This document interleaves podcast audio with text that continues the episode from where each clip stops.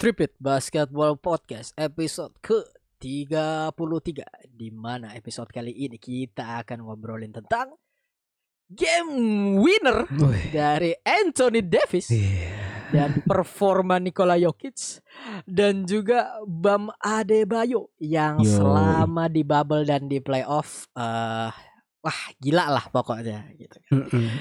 Dan tema kita hari ini adalah Big Man Evolution. Cue the music.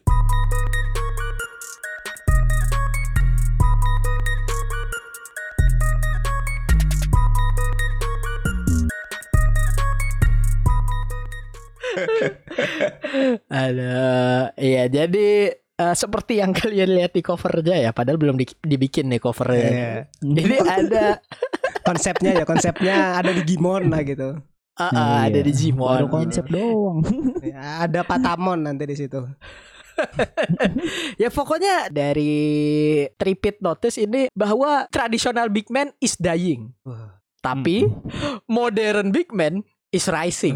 Oh. itu nyiapinnya dari tadi tuh Gin iya. Pad- padahal salah mah.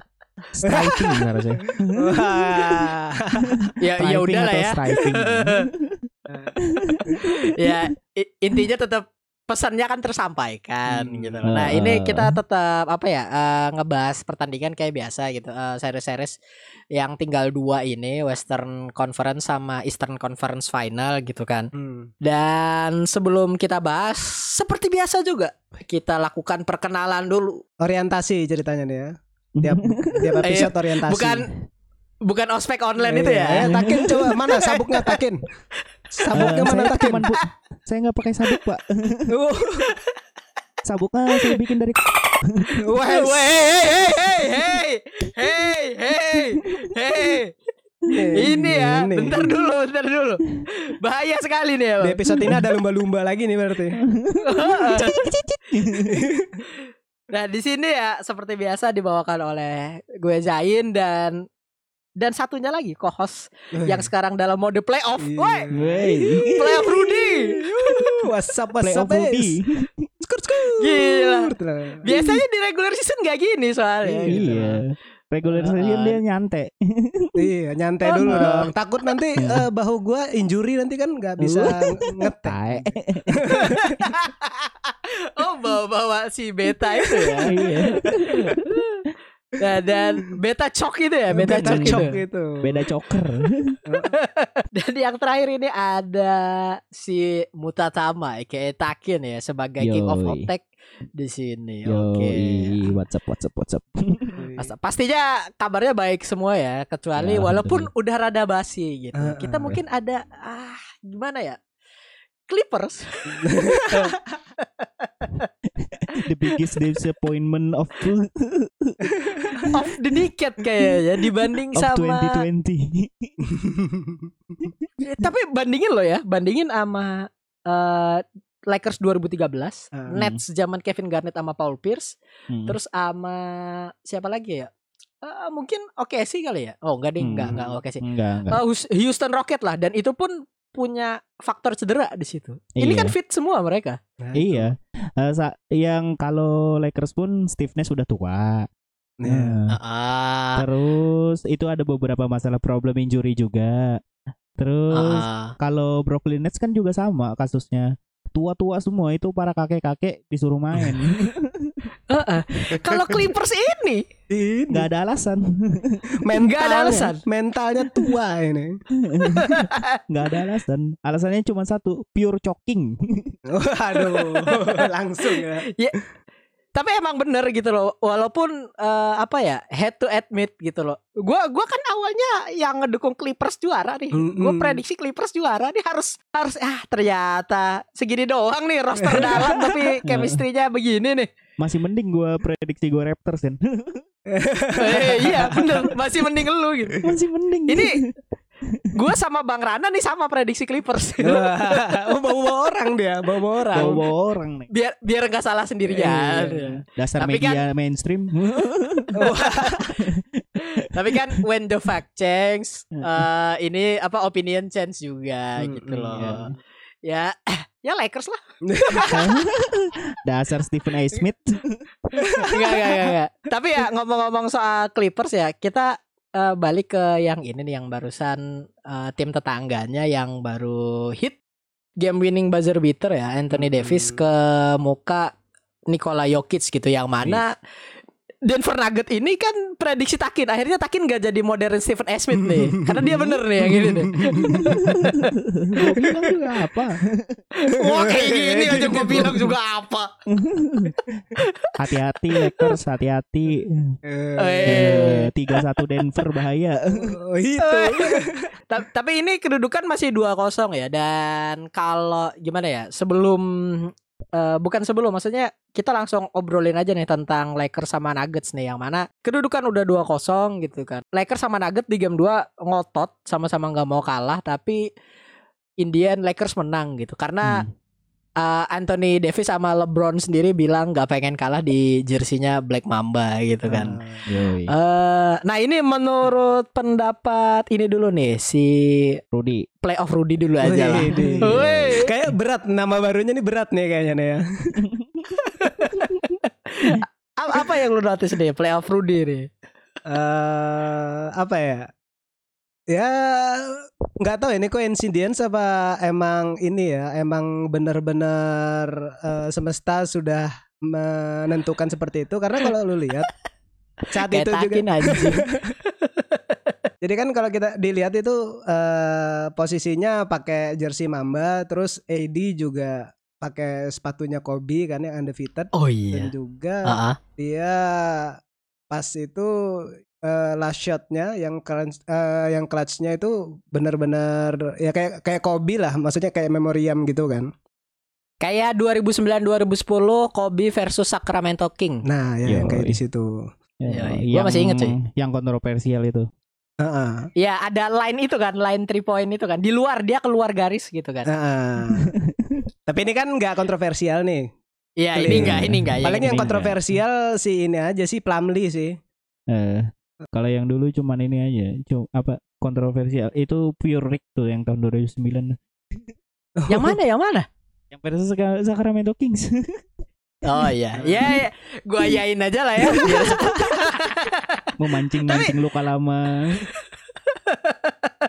BTW ya maksudnya Hmm. yang yang noticeable kan di sini adalah eh, Plumlee ya, Iya. Plumlee sama Jeremy Grant yang kayaknya miskomunikasi Miskom. gitu kan. Hmm. Nah, ini s- sebelum gua lempar ke Takin ini gua nanya Agi dulu nih. Hmm. Eh, gimana yang yang pendapat lu tuh apa sih yang ada di pikiran mereka gitu kayaknya gitu. Lu sebelum lihat Plumlee lihat Jeremy Grant aja dulu. Pas eh, udah ini, udah pas lagi mau inbound kan, Jeremy Grant tuh nahan LeBron tuh sekuat tenaga. Padahal LeBron cuma berdiri aja diam. Hmm. Decoy, decoy. Decoy kan berdiri diam tapi Jeremy Grant tuh udah kayak dorong-dorong. Terus Plumlee ya gua masih bingung nih, maksudnya dia ngapain switch padahal dia punya lane yang kosong buat ngikutin jalurnya AD gitu. Oke lah Ah. misalnya eh, LeBron waktu itu eh, LeBron pas lagi start tuh bener-bener eh, bahaya kan. Dia di awal game juga di kuarter 1 kan 7 poin dari Lakers kan dari dia sendiri. Terus ke eh, di half first half dia bener-bener dominan. Terus di second half pas di, di kuarter ketiga kan eh, agak kurang tuh fokusnya agak berkurang. Eh, banyak mi- apa field goal yang gak masuk. Tapi kalau yang terus kan di situ juga diganti sama Edi eh, pas lagi scoring dan juga kan kita lihat ada Caruso dengan interceptnya dengan air Carusonya terus Wih, ada benar. trip apa dia ngeluarin apa finger roll di di akhir-akhirnya itu kan. Jadi Ah. harusnya eh, apa ya jangan terlalu ini ke LeBron sih jangan terlalu apa jangan terlalu fokus ke LeBron gitu LeBron tuh kan kalau misalnya sekarang sebenarnya secara cara mainnya kan dia sebenarnya cuman fasilitator walaupun emang Ah. ada satu dua kali waktu dia emang harus take a change gitu kan tapi pas udah Ah. di crunch time di kuarter 4 itu mereka udah on fire semua pemain Lakers jadi nggak Oh. nggak bisa membagi fokus eh nggak bisa ngefokusin ke LeBron lagi di saat itu karena eh, siapa pun bisa gitu loh siapa pun bisa Hmm. ngambil last shot dan Everyone is firing through cylinder kayak gitu kayaknya. Iya, Ah. uh, dan juga pastinya uh, kesalahan fatal kalau ngelepas Edi. Itu tuh Iya, benar fatal banget di situ. Tapi it's LeBron man. Gue kalau jadi defendernya gue juga jagain LeBron gitu. Nah makanya ini langsung gue alihin ke Takin aja ini. Ini kalau menurut lu apa yang dilakukan Jeremy Grant sama Plumlee gitu? Niat jadi mereka sebenarnya ngapain sih? Sampai bisa uh, miskomunikasi yang fatal banget nih gitu loh. Ya itu maksudnya mau switch itu. Seharusnya Plumlee udah ngasih tahu ke buat Jeremy Grant buat switch ke Eddie. Heeh.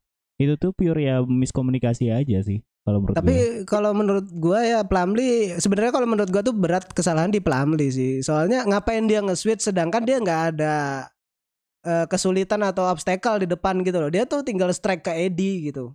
karena karena itu emang skema defense-nya seharusnya kayak gitu. Eh isti- Hmm. istilahnya tag eh, Hmm. si Plumlee jadi ngejaga LeBron, si Jeremy Grant jadi ngejaga Eddie gitu. Seharusnya kayak gitu. Sebenarnya sih kalau kalau dari ini ya yang dilihat bukan miskomunikasi sih. Mereka udah komunikasi tapi mistiming. Iya, miss timing kayaknya. Jeremy Grant terlalu fokus ke LeBron, nggak mau Hmm. ngelepas LeBron padahal bisa ngelepas LeBron gitu. Plumlee bisa ngejaga ngejaga LeBron. Karena emang Ah. match up-nya seharusnya kayak gitu sih. Yang bagian luar Benar. seharusnya Jeremy Grant. Hmm. Benar banget, benar banget. Karena Jeremy Grant juga lebih bagus untuk perimeter defense maksud gue. Oh. ya. Oh iya iya iya. Bisa sih bisa sih benar benar Hmm. benar benar. Oke oke. Kalau bolanya nanti ke Eddie, eh Jeremy Grant bisa nutup di perimeter, Plumlee bisa nutup di interior kayak gitu. Oh. Hmm. Wah Oke. gila ini. Oh oke oke oke. Make sense banget ya emang. karena Denver nih, karena Denver nih. Nah, dan tapi eh, ngomong-ngomong soal Denver ya, ini kan tadi ada Eddie ya sebagai Digimon pertama. Woi. Hmm. Big Big Mon ini Big, Big Mon Mon. lah ini mah Big Big Mon pertama Big Mon. ini. yang yang apa ya melakukan ini kalau Eddie sih bukan hal baru sih sebagai Hmm. scorer uh, scoring big yang udah bisa nge-shoot gitu. Maksudnya kita udah ngelihat itu dari beberapa waktu yang lalu gitu. Nah, kalau Nikola Jokic ini kan sebagai apa ya?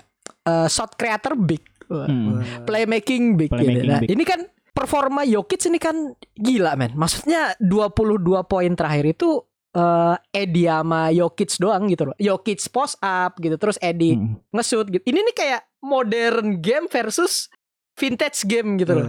Hmm, hmm. Slow, slow pace banget kan. Ini kan Ah, slow. ah. Pace-nya pace-nya slow banget waktu di quarter-quarter akhir gitu loh. Ya.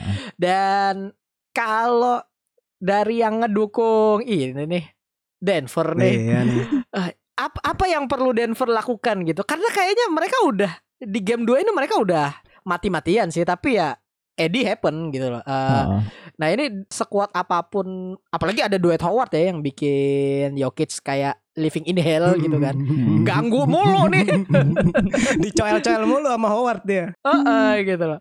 Nah ini kalau lu tanggepin gimana nih Kin? Kalau menurut gue sih ya nggak tahu juga sih secara di atas kertas sebenarnya bingung juga ya apalagi yang perlu di adjust kayak gitu untuk men-stop Eddie buat scoring itu kayaknya udah hal yang hampir nggak mungkin gitu Apalagi stop LeBron gitu. Tapi Iya. bisa sih tadi tuh stop LeBron di quarter 3-4 mereka tuh kayak masang eh, perangkap kayak Giannis gitu loh. Pennya di Iya. di apa dipenuhin Di- gitu. Tapi iya, ya dipenuhin kebetulan shoot LeBron bau juga waktu itu. Iya, makanya.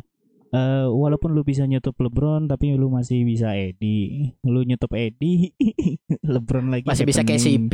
Iya, karena emang match up-nya ya emang berat di Lakers sih sebenarnya. Heeh. Lakers kalau secara match up ya Denver buat menang gitu. Tapi menurut Wah. gue ya tinggal eh Jokic tinggal karena lu nggak bisa menang di defense, ya lu harus lebih agresif lagi di offense gitu.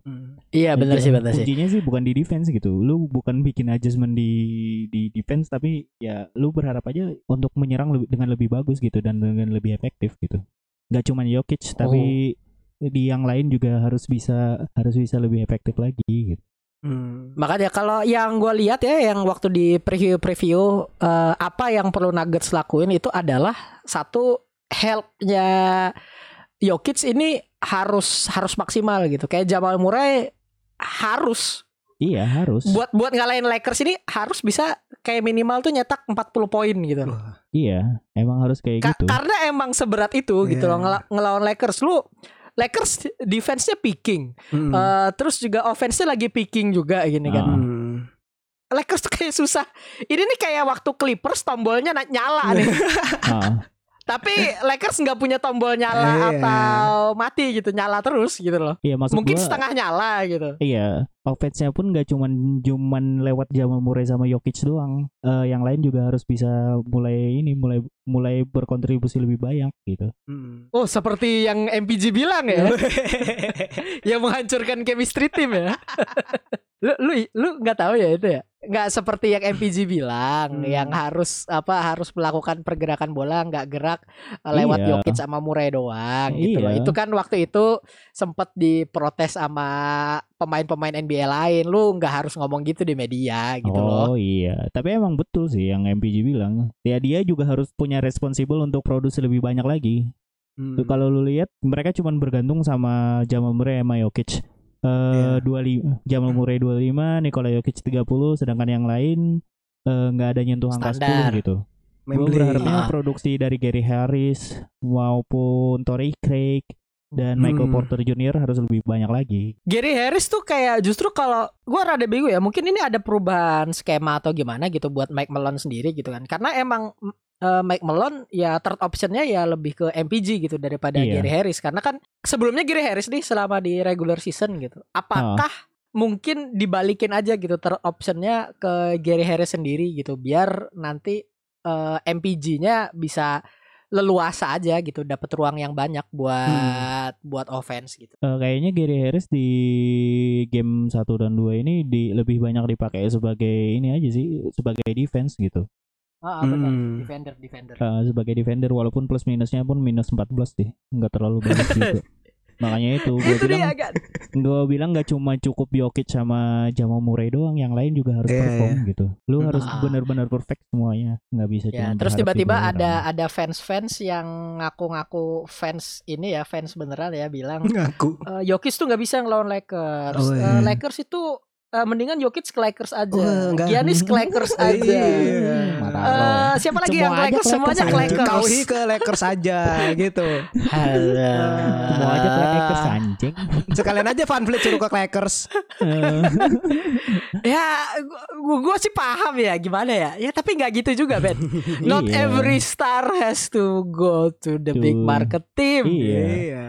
Ntar gua nggak ada tim yang bisa didukung lagi. Gua kan hobinya punya yang market market yang gak terlalu big terlalu big kayak gitu lebih asik gitu ngedukungnya. Iya. Iya, tapi soalnya seru sih ngelihat small market yang berkembang ngelawan apa ya big market itu kayak gimana sih mereka ngelakuin adjustment adjustmentnya gitu. Eh, Hmm. Terlepas dari itu semua ya, kayak Nuggets ini kan apa pun hasilnya nih, misal kalah atau menang pun lawan Lakers, ya we respect that gitu kan. Hmm. Iya. Gua ekspektasi gua sih sampai final. Iya. Luar biasa. Kalau Denver 3-1 hati-hati ya. Ini mah udah gonna 2-0, happen Bos. Ta- tapi ya maksudnya kalau misal ada yang bilang ini scripted league gitu. Hmm. Nggak mungkin NBA ngebiarin Clippers kalah sama Nuggets. Iya, Itu, karena Battle of. LA itu udah digadang-gadang dari awal musim. Ha, gitu loh. Iya. Ini ini emang playoff seseru ini gitu loh. Ini terlalu bagus gitu. Nah, Secara penghasilan kalau Clippers lawan Lakers bakalan Nah, lebih bagus iya. penghasilannya. Iya sih. Bener banget itu. Secara rating juga lebih bakalan lebih bagus. Iya makanya itu kan. Nah tapi Heeh. kalau dari sini ya, eh, karena kan kita lihat lagi mungkin kita kan update seminggu lagi nih. Kita mungkin nggak tahu ada pemenang atau enggak nih di Hmm. di antara Lakers sama sama siapa sama Denver ini gitu kan. Hmm. Ah, seperti biasa pertanyaan gue ke Rudiata sama Takin nih. Dari Rudi dulu nih, playoff Rudi lu pegang siapa nih? Lakers in five. Ah, Kak. nah ini dari Takin, dari Takin, dari Takin. Denver in seven. Kami menunggu jawaban itu, 3-1 Bung. Denver, 3-1 Denver gitu ya. 3-1 Denver men hati-hati. Lakers in five itu biasanya ke Lakersnya kalah dulu. Persyaratannya kayak Oh, gitu. iya. Oh gitu. Eh, baru baru habis itu dihajar 4-0 kan udah Iya. dua kali tuh kayak gitu. Berarti Lakers in four, Kin. Kan ini ada Iya. LeBron. Iya. Iya sama aja pak. Eh, sama aja. kayak gitu. Kalau Nuggets kayak gitu 3-1 dulu baru menang gitu. Oh, siap Jadi siap. menang satu dulu, Bos. Iya, menang iya. satu dulu. Berarti masih ada dua game lagi ya. Game 3 Ah, menang nih. ya kita kita lihat ya. Tapi maksudnya eh, apa ya? Dari itu tuh kayak dari game 1 game 2 ini seru-seru loh. Iya seru semua, hampir tight semua. Yang Celtic Ah, ah. juga seru. Celtic sama Wah seru banget. Hmm. Apa kita langsung ke Celtic aja nih? Karena kan kita udah dia. ada jagoan masing-masing ya. Iya. Iya. Kemarin kan kita udah udah bikin prediksi kita gitu. Gua hit, uh, Rudy slam, Rudy hit gitu. Ta Takin apa sih? Kok Hit gua Gua dia. Gue hits Oh, juga. tiga-tiganya hit ya di sini Iya, ya. Si Nurman doang yang ini yang Celtic dia. Oh iya. Ah. Ya tapi kita pindah dulu kalau gitu ke tim yang punya big man modern juga, Daniel Tesh. Iya. Seharusnya Iron Baines tuh. Oh iya. itu big man andalan itu. Itu Itu big man big man andalan. andalan itu. Dia pernah di Spurs, dia pernah di Celtic. Timnya legendaris semua. Oh, iya, jago-jago semua timnya. Aduh, ada ada. Nah, kita kita sekarang ngobrolin Celtic sama Heat yang mana kedudukannya 2-1. Hmm. 21. Nah, 21. 21 ini kalau yang dari gua lihat sebelum gua alihin ke kalian gitu kan. Kalau dari yang gua lihat kayak di game ketiga itu yang hit hampir comeback ya. Iya, Coba hampir Hampir. comeback di akhir-akhir tuh udah di- ngejar mereka. Sampai tinggal lima Ah, doang. gitu loh. Dengan adanya Gordon Hayward kerasa bedanya gitu, beda Benar. tim ini. Karena Hmm. Gordon Hayward itu ternyata di regular season jadi momoknya Miami Heat sendiri gitu loh. Iya, dia dia tuh secara stat nggak bagus Jin. Ah, ah, bener, bener. Tapi fleksibilitasnya apa? Celtic berubah ketika ada Gordon Hayward secara defense gitu. Hmm. secara defense dan run offense-nya juga gitu loh. Iya. Maksudnya kemarin ya eh sebelum gua alihin ke playoff Rudy nih. Kemarin ya. Kan ini apa sih namanya? Kemba Walker kan dari game 6 lawan Raptors itu mati itu. Hmm. Hmm. Ya udah shooting slam atau apa gitu atau berhasil dimatiin sama, Sama Bam Heat. Adebayo juga Nah, gitu. Eh, big man satunya ini ya. Big Mon, Ah. Big Mon. Big Mon. dia udah kayak bebannya tuh udah lepas di game ketiga gitu kan karena Hmm. emang ada Gordon Hayward yang gantiin Iya, eh, pegang apa ya, bola. buat shot kreatornya gitu. Iya, buat pegang Hmm. bola gantian jadinya. Ah, Iya. ah, ah. Nah ini dari playoff Rudy nih gimana nih Iya. yang lu tanggepin dari series inilah secara keseluruhan gitu. Apa yang perlu Heat lakukan buat bisa uh, seal the game atau Hmm. apa yang perlu Celtic lakuin buat bisa uh, still apa keeping the series alive? Ya pertama eh, ngamuk-ngamuknya Marcus Smart sangat efektif ya. Akhirnya semenjak setelah dia ngamuk-ngamuk pas di mana? Pas di locker room kema- eh, di game sebelumnya, di game selanjutnya pemain Celtic agak serius mainnya dan juga Hmm. Defense-nya Smart kan sebenarnya kan eh, kalau kita back to game sebelumnya kan eh, kalau kita lihat kan sebenarnya eh, defensif Marcus Smart kan benar-benar ngoyo dia sebagai small man tapi dia benar-benar dia ngambil eh, block, dia ngambil intercept, dia juga eh, ngebayangin pemain juga kan dan ternyata pas saat ofensif kan tidak memuaskan dari Celtic. Terus di game ini yang gua lihat eh, Celtic eh, menggunakan ininya sih lebih sering main catch and drive yang di mana di game sebelumnya nggak ada. Wah Hmm. gila luar biasa playoff Rudy. bener. Rudy. Itu sih bener. Playoff Rudy. Yo, Gila, iya, makin iya. berat ini pundak. Pressure-nya bung. Pressure-nya bung, salah ngomong bahaya ini. tapi bener kok, tapi bener kok. Uh, Iya. Catch and drive-nya kerasa ya. Terus terus. Terus kan apa ya? Kan kalau sebelumnya kalau kita lihat kan Tatum agak takut-takut dia buat ngedrive masuk. Dia lebih ngambil kayak ngefake, abis itu eh, shifting dikit, ngambil deep two, nggak mau ngambil masuk. Sedangkan sekarang kan eh, ada Jalen Brown yang dia walaupun nggak eh, scoring tapi dia tetap ngambil take drive masuk. Itu juga kan untuk eh, scramble offensive 2-3-nya hit kan.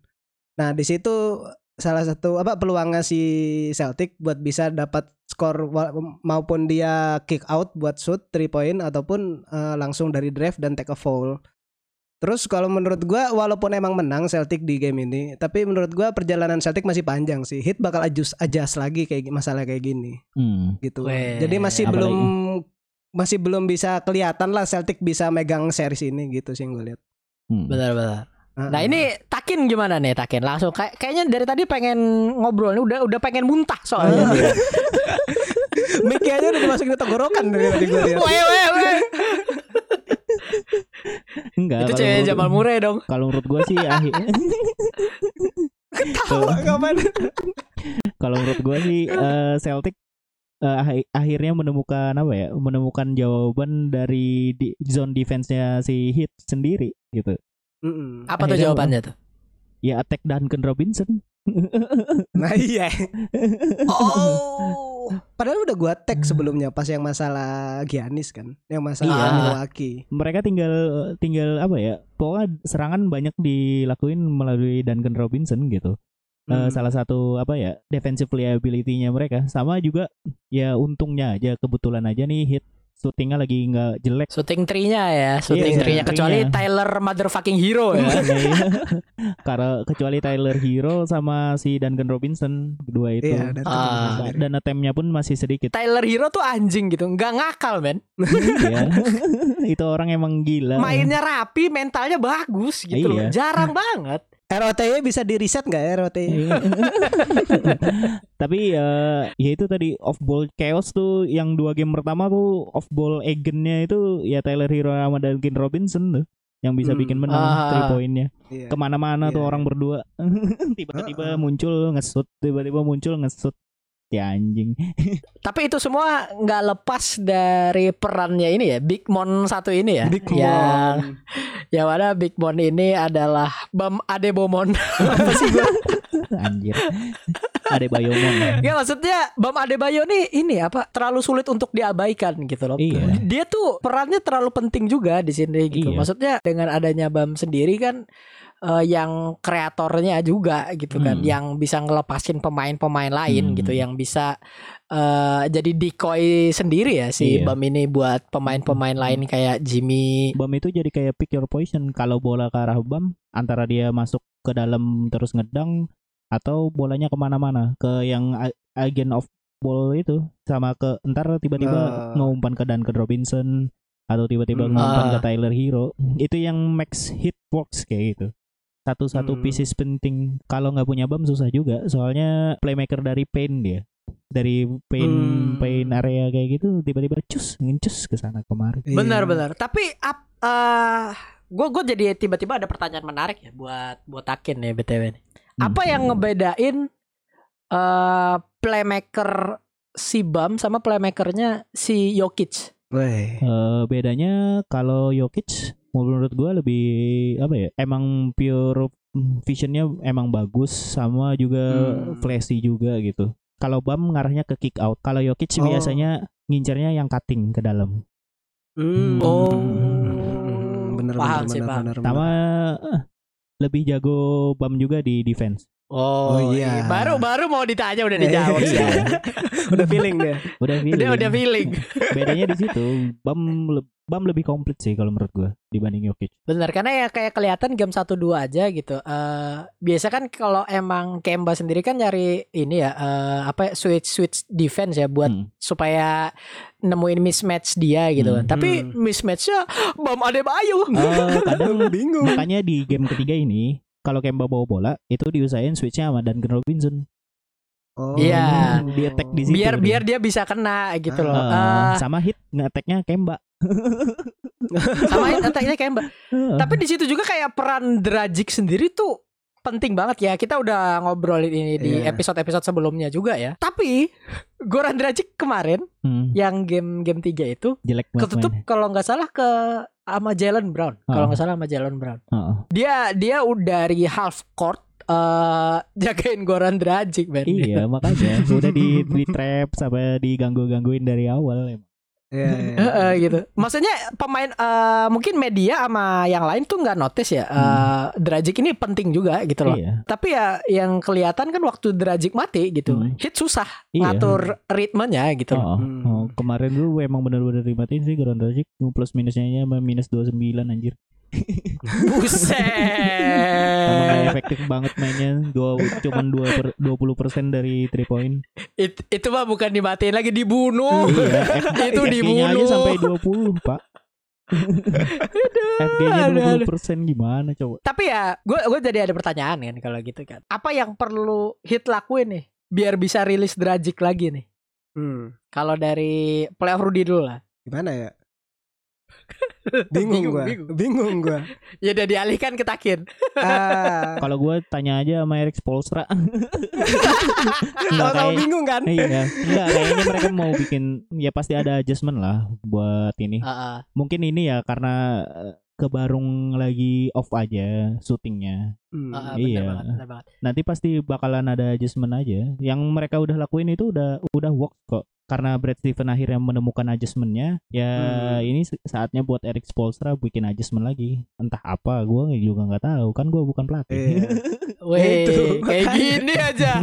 Langsung defend bangsat. Enggak, maksud gue. Soalnya bingung juga sih. Iya, apalagi yang harus dilakuin gitu. Iya, maksudnya bingung juga gua. Soalnya kalau gua lihat gue ingat-ingat lagi ya tadi eh, hit ini punya dua lapis playmaking, dua lapis kon- apa distri apa distributor. Fasilitator lah, Hmm. ada yang di dalam, ada yang di luar. Kalau Hmm. misalnya Dragic dimatikan, eh, Bam naik, mungkin Bam kalau misalnya dipaksa bener-bener jadi fasilitator suruh dari luar, itu kan bakal ada hole dari eh, skemanya hit. Jadi bingung juga, mungkin nggak ada lagi yang bisa paling kalau bisa Tyler Hero disuruh bawa ini bikin scam apa eh, ngebawa ofensif mungkin bi- eh, bisa lah dikit-dikit gitu. Iya, Taylor Hero, Taylor Hero ma- termasuk yang bisa juga diandalkan. Iya, maksudnya pas lagi bau gitu. Misalkan kadang kan yang agak kurang konsis inkonsisten juga nih kalau dilihat-lihat Tyler Hero kalau dari three pointnya. Ya mungkin misalnya eh, dia agak bau dia bisa eh, ngatur flow terus ngarahin kalau misalnya kick outnya ke Duncan Robinson. Habis itu mungkin kalau misalnya dari luar nggak bisa nyerang eh, ba- eh, kasih ke Bam Adebayo atau enggak kasih aja Jimmy Butler untuk ngedrive masuk gitu sih. Iya. Sama juga ya mungkin Jimmy Butler eh coba mid range gamenya. Jangan cuman Hmm. three point sama Goran Dragic juga kan lumayan mereka juga punya mid range game kayak gitu. Dibikin skema Benar, mid range game gitu. Kalau udah di playoff itu pokoknya eh three way level scoring itu harus harus dimanfaatkan dengan baik-baik gitu. Mm. Lu nggak bisa Ah. cuman ngandelin three, lu nggak bisa cuman ngandelin defense. Tapi ya three way three level scoring harus benar-benar dimanfaatkan. Bener. Tapi terlepas dari itu semua ya, yang gue perhatiin ya dari Miami Heat gitu kan. Karena yang kayak lu bilang tadi, Celtic udah nemuin uh, adjustmentnya yang pas buat ngalahin Heat gitu. Hmm. Itu aja hampir di comeback sama Heat. Iya, di akhir-akhir Ah. itu udah bikin takut tuh.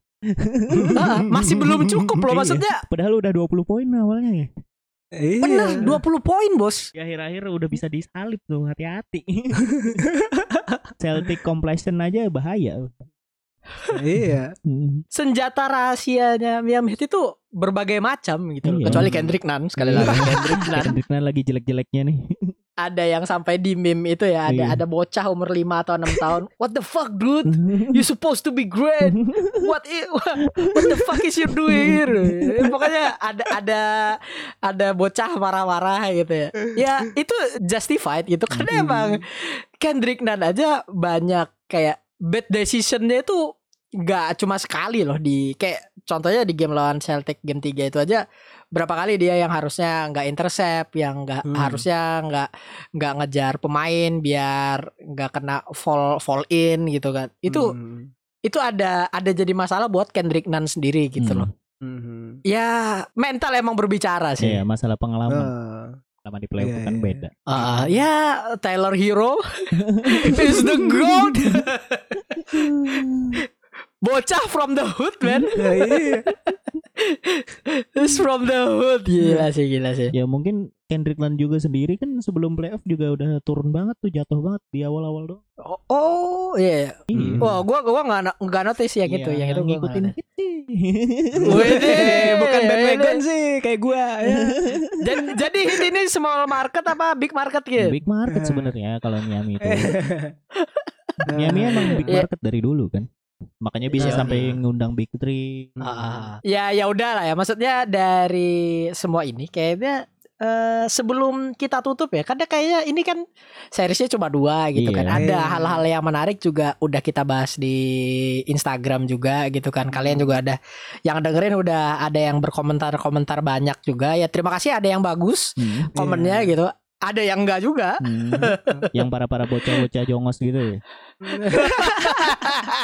Tolong itu Ya disensor. disebut. disensor. enggak enggak Nggak enggak usah yang itu disensor. enggak Nggak, enggak nggak. usah Para jongos Itu jongos nggak bisa. anjing. Hati-hati kalian ya. Bentar lagi Takin akan merambahkan hoteknya ke komentar feed. Hati-hati kalian.